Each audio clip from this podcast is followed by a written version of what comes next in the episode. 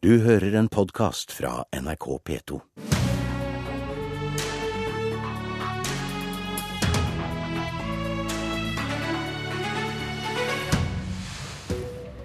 Frp mener kommuner som fortsatt vil være små, må regne med å miste oppgaver. Det er å gradere stemmeretten, svarer Arbeiderpartiet. Et parti som for øvrig har så gode tall på NRKs måling at smilet nesten går helt rundt på nestleder Helga Pedersen. Men det skal vi komme tilbake til. Først skal vi debattere kommunereformen. For eh, framtidas Kommune-Norge er i støpeskjea nå, etter at ekspertutvalget kom med sine tilrådinger denne veka. I samband med det har FrPs leder i kommunalkomiteen på Stortinget, Helge André Njåstad, sagt at eh, de kommunene som ikke vil slå seg sammen, må regne med å miste oppgaver. God morgen, Helge André Njåstad. God morgen, ja. Hva er det du ser for deg skal skje? Nei, Vi ser jo først og fremst for oss at vi skal gjennomføre en kommunereform som betyr at, eh, at kommunene blir større og får flere oppgaver. Vi har en forskjellig geografi i Norge som vil gjøre at noen fremdeles vil være små. Eh, og De kan ikke forvente å få de nye oppgavene og få like mange oppgaver som de som er store. Hva slags oppgaver skal de miste, da? Eh, nei, Det er klart at det finnes oppgaver som er spesialiserte innenfor både PPT, ruspsykiatri, barnevern, som trenger et stort fagmiljø for å gi innbyggerne gode tjenester. Eh, og Velger man å være liten, så er det klart at man eh, kan ikke ha samme ansvar som de kommunene som er, som er store. Da må man få de tjenestene hos en nabokommune, sånn at, at innbyggerne blir ivaretatt, og at innbyggerne har et fagmiljø og ikke bare en fagperson å forholde seg til. Men når du sier dette, er det en trussel som du håper da vil føre til at flere slår seg sammen, eller er det et reelt forslag til en framtidig løsning der det er forskjell på hva ulike kommuner tilbyr? Nei, Det er jo viktig å tenke nytt når det gjelder kommuneinndeling òg. Og ekspertutvalget gir oss jo en mulighet til å tenke nytt, eh, nemlig med å gi de største kommunene enda flere oppgaver. Eh, ekspertutvalget foreslår jo 15 000 som en minimumsstørrelse. Da har vi sagt at det er uaktuelt pga. Norges geografi.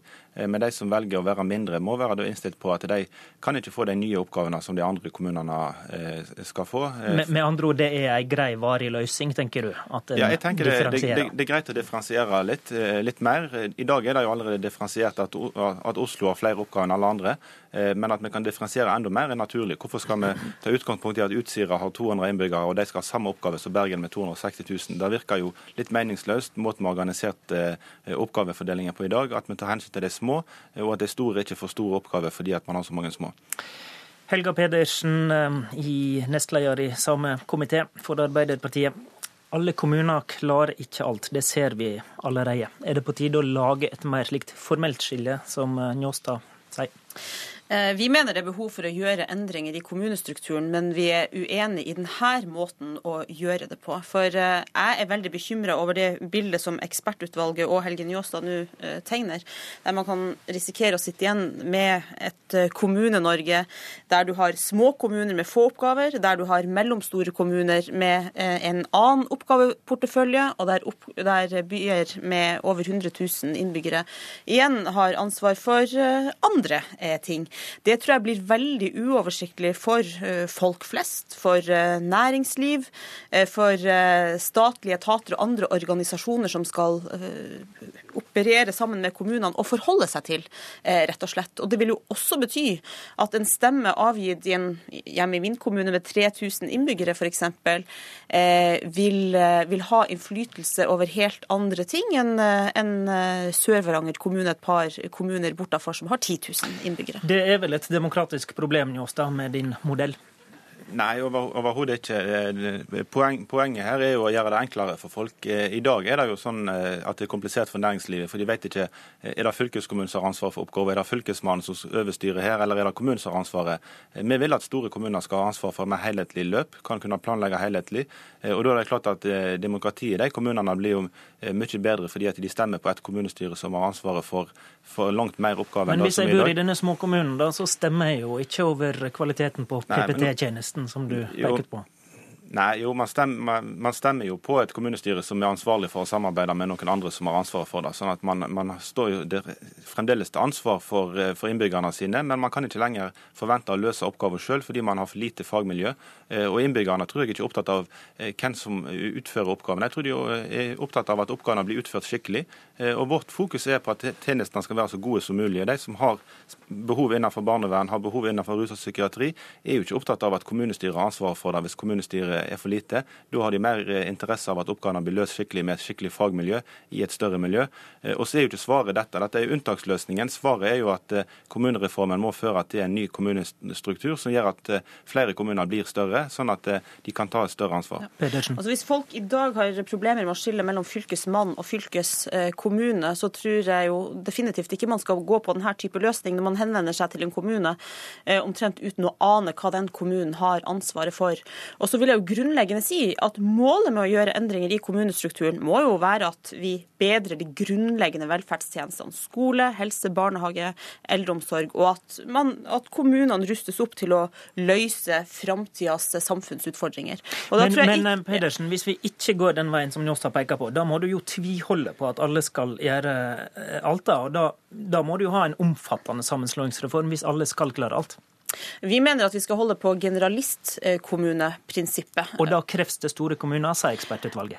Det kreves i hvert fall å se samfunnsutfordringer over større områder enn i dag. Det sier ekspertutvalget. Og da har man jo to muligheter. Det ene er at kommuner slår seg sammen der forholdene tilsier det. Det er vi positive til, men vi mener at det skal basere seg på lokale prosesser og frivillighet. Og den andre måten å løse det på er jo med, å, med interkommunale løsninger, som jo eh, har demokratiske eh, svakheter. Det tror jeg alle er enige om, men som samtidig viser seg å fungere veldig godt til beste for innbyggerne mange steder eh, i landet.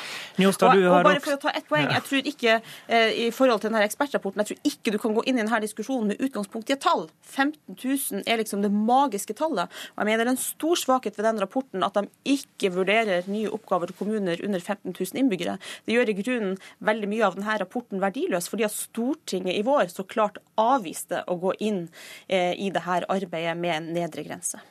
Vi skal gå til et litt annet poeng. Njåstad, du har også vært ute med en prøveballong i Bergens Tidende der du ønsker at flere byer skal bli byfylke, sånn som Oslo er i dag, eh, f.eks. Bergen og Stavanger. Hvorfor vil du ha det slik? Nei, Det er jo først og fremst fordi at eh, Hvorfor skal én kommune ha spesielle oppgaver kunne se hele utdanningsløpet under ett, eh, se planlegging under ett eh, og ha ansvar for en stor del av opp oppgavene til sånn som Oslo har? Eh, hvorfor skal ikke Bergen og Stavanger, Trondheim, Kristiansand og andre få lov å få samme muligheten?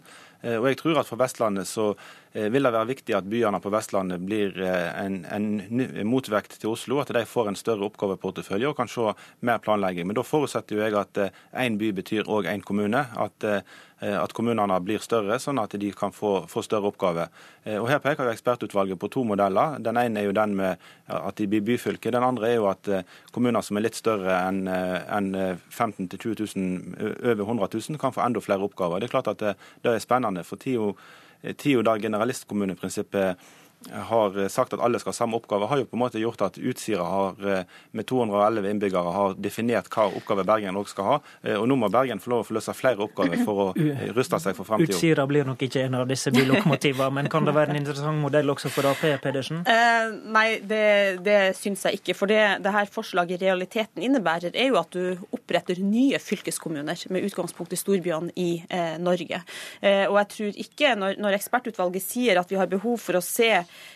større samfunnsområder i sammenheng, så kan ikke svaret være å opprette nye administrative grenser rundt storbyene. For det er det du i realiteten gjør.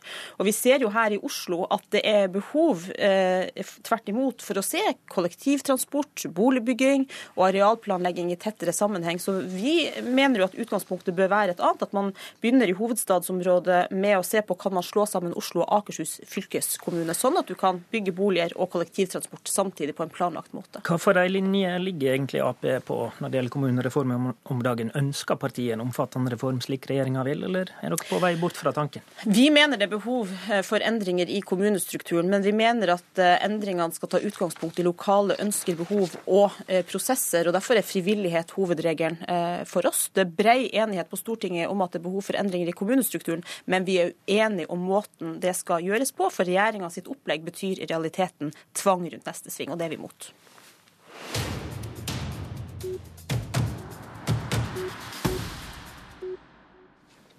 Helga Pedersen blir sittende, for i NRKs eh, partibarometer for desember så får Arbeiderpartiet, som vi har hørt, hele 42,8% oppslutnad.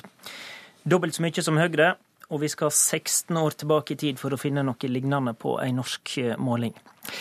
Helga Pedersen, tror du på at 43% av velgermassa egentlig støtter politikken deres?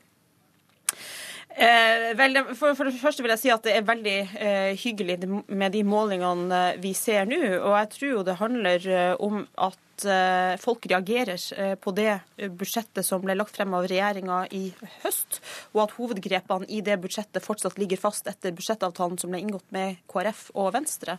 Og da ser man til oss som et alternativ. Da er dere først og fremst blitt ei havn der de misfornøyde søker ly, da? Eh, nei, jeg, jeg, tror nok det er litt eh, mer sammensatt enn som så. Jeg tenker at det handler om at folk ser til Arbeiderpartiet som et uh, troverdig alternativ til dem som sitter og styrer landet nå. Dere henter 75 000 Frp-velgere. Hva er de forklaring på det? Nei, igjen, Fremskrittspartiet har jo gjennom mange år markedsført seg som partiet for folk flest. Og budsjettet har jo avvist at budsjettet var et Eh, budsjett for skattekutt til dem som har mest fra før, der folk flest eh, sine skattekutt ble spist opp av plastposeavgift, eh, dyrere barnehager og innstramminger på andre områder. Og der vi står for en mer sosial profil. Det var partsinnlegget fra seierherren i denne målinga. Bernt Årdal, professor ved Institutt for statsvitenskap, Universitetet i Oslo. God morgen. God morgen. Det er ni måneder til kommunevalget nå. Dette er jo da en stortingsmåling, men likevel. Når Ap har et så utrolig høyt resultat og har hatt det over tid nå, kan vi da regne med allerede at de kommer til å gjøre et godt valg i 2015? Eh, jeg tror man skal være veldig forsiktig å regne med noe som helst i turbulente tider som vi nå ser, hvor det er så store skiftninger. Men det er klart at eh, hvis Arbeiderpartiet klarer å stabilisere seg på dette nivået i overkant av 40% så ser det jo veldig lyst ut for dem ved, ved kommune- og fylkestingsvalget neste høst. Ja. Og det er nok det viktige perspektivet nå i første runde. Noen begynner jo å tenke på neste stortingsvalg og regjeringsspørsmål og sånne ting, men jeg tror det for, også for Arbeiderpartiet kanskje er fokus først og fremst på å vinne valget neste høst. Jeg var inne på dette med Pedersen. Mange Frp-velgere går til Ap nå. Hvordan skal vi forstå det? Det er interessant. For det første så har, arbeid, eh, har Fremskrittspartiets velgere i større grad gått til, til Høyre. Og ved, ved, valget i fjor så var det veldig store overganger fra Fremskrittspartiet til Høyre. Det har vært hovedmønsteret. I tidligere tider så har vi jo sett også at det er en, en, en del overganger fra mellom Arbeiderpartiet og, og, Fremskrittspartiet. Det var ikke spesielt mye av det ved valget i fjor, men nå ser vi at de kommer tilbake. Og jeg tror også at Helga Pedersen er inne på noe noe riktig og viktig. og Det går på at eh, Fremskrittspartiet har nok rekruttert velgere som har hatt veldig store forventninger til Fremskrittspartiet også sosiale politikk. De har, det er helt riktig at de har rekruttert velgere som har f.eks. en annen profil enn det Høyre-velgerne har. Og at det har vært forventninger som kanskje har vært urealistiske når man skal se være veldig nøktern på det, men likevel. Eh, så det er nok en, en, si, en misnøyesreaksjon. Samtidig så sier Siv Jensen i innslaget vi sendte tidligere i Nyhetsmorgen at dette er velgere som lett kan eh, lekke tilbake, som hun uttrykte det. Så Arbeiderpartiet skal passe seg. Har Siv Jensen rett i det? Ja, det tror jeg. fordi Vi ser jo også det at mønsteret for Arbeiderpartiet er at de som du nevnte, de trekker velgere, får velgere fra nesten alle andre partier. Men den største gruppen de får velgere fra, er jo tidligere hjemmesittere. Og det vet vi er en veldig ustabil og upålitelig gruppe når det gjelder om de faktisk kommer til å stemme. Så, så det er klart at løpet er ikke kjørt. Og vi har også sett det tidligere siden valget i fjor, at f.eks. Fremskrittspartiet har hatt nedgangsperioder, og så har de kommet seg opp igjen. Så, så det har nok vært en, en mer enn umiddelbar reaksjon på, på budsjettet. Uh, mer enn at vi kan si at nå ser vi et fundamentalt skifte. Så er småpartiene og SV veldig svekka. Um, gjør det verdien av dette resultatet litt mindre verdt for Ap? Særlig hvis vi, begynner, hvis vi tenker fremover til neste stortingsvalg og vi begynner å snakke om regjeringskonstellasjoner, så er det klart at partier som, som f.eks. SV ligger an til å få ett mandat, eh, Venstre ligger an til å få bare noen få mandater osv. Slik at det, dette her vil nok kunne ha betydning for hvilken koalisjonspartner eventuelt Arbeiderpartiet kan tenke seg ved neste korsvei, eventuelt om man samarbeidsmønstre. Eh, man har nå snakket om at Arbeiderpartiet begynner å nærme seg rent flertall alene. De har bare fem mandater, men det, det er fortsatt en vei å gå. Vi får følge med. Takk til deg, Bent Årdal. I vårt regjeringskriseråka naboland er siste nytt at Moderaterna trolig kommer til å presentere sin nye statsministerkandidat etter Fredrik Reinfeldt i morgen. Statsminister Stefan Löfven får passet sitt på, av kommentatorene i avisen i dag. Uhederlig er en karakteristikk. Nyvalg er russisk rulett er en annen. NRKs reporter i Stockholm, Jarle Roheim Haakonsen, er med i Nyhetsmorgen om en halv time. Følg med der. Det var Politisk kvarter. Du har hørt en podkast fra NRK P2.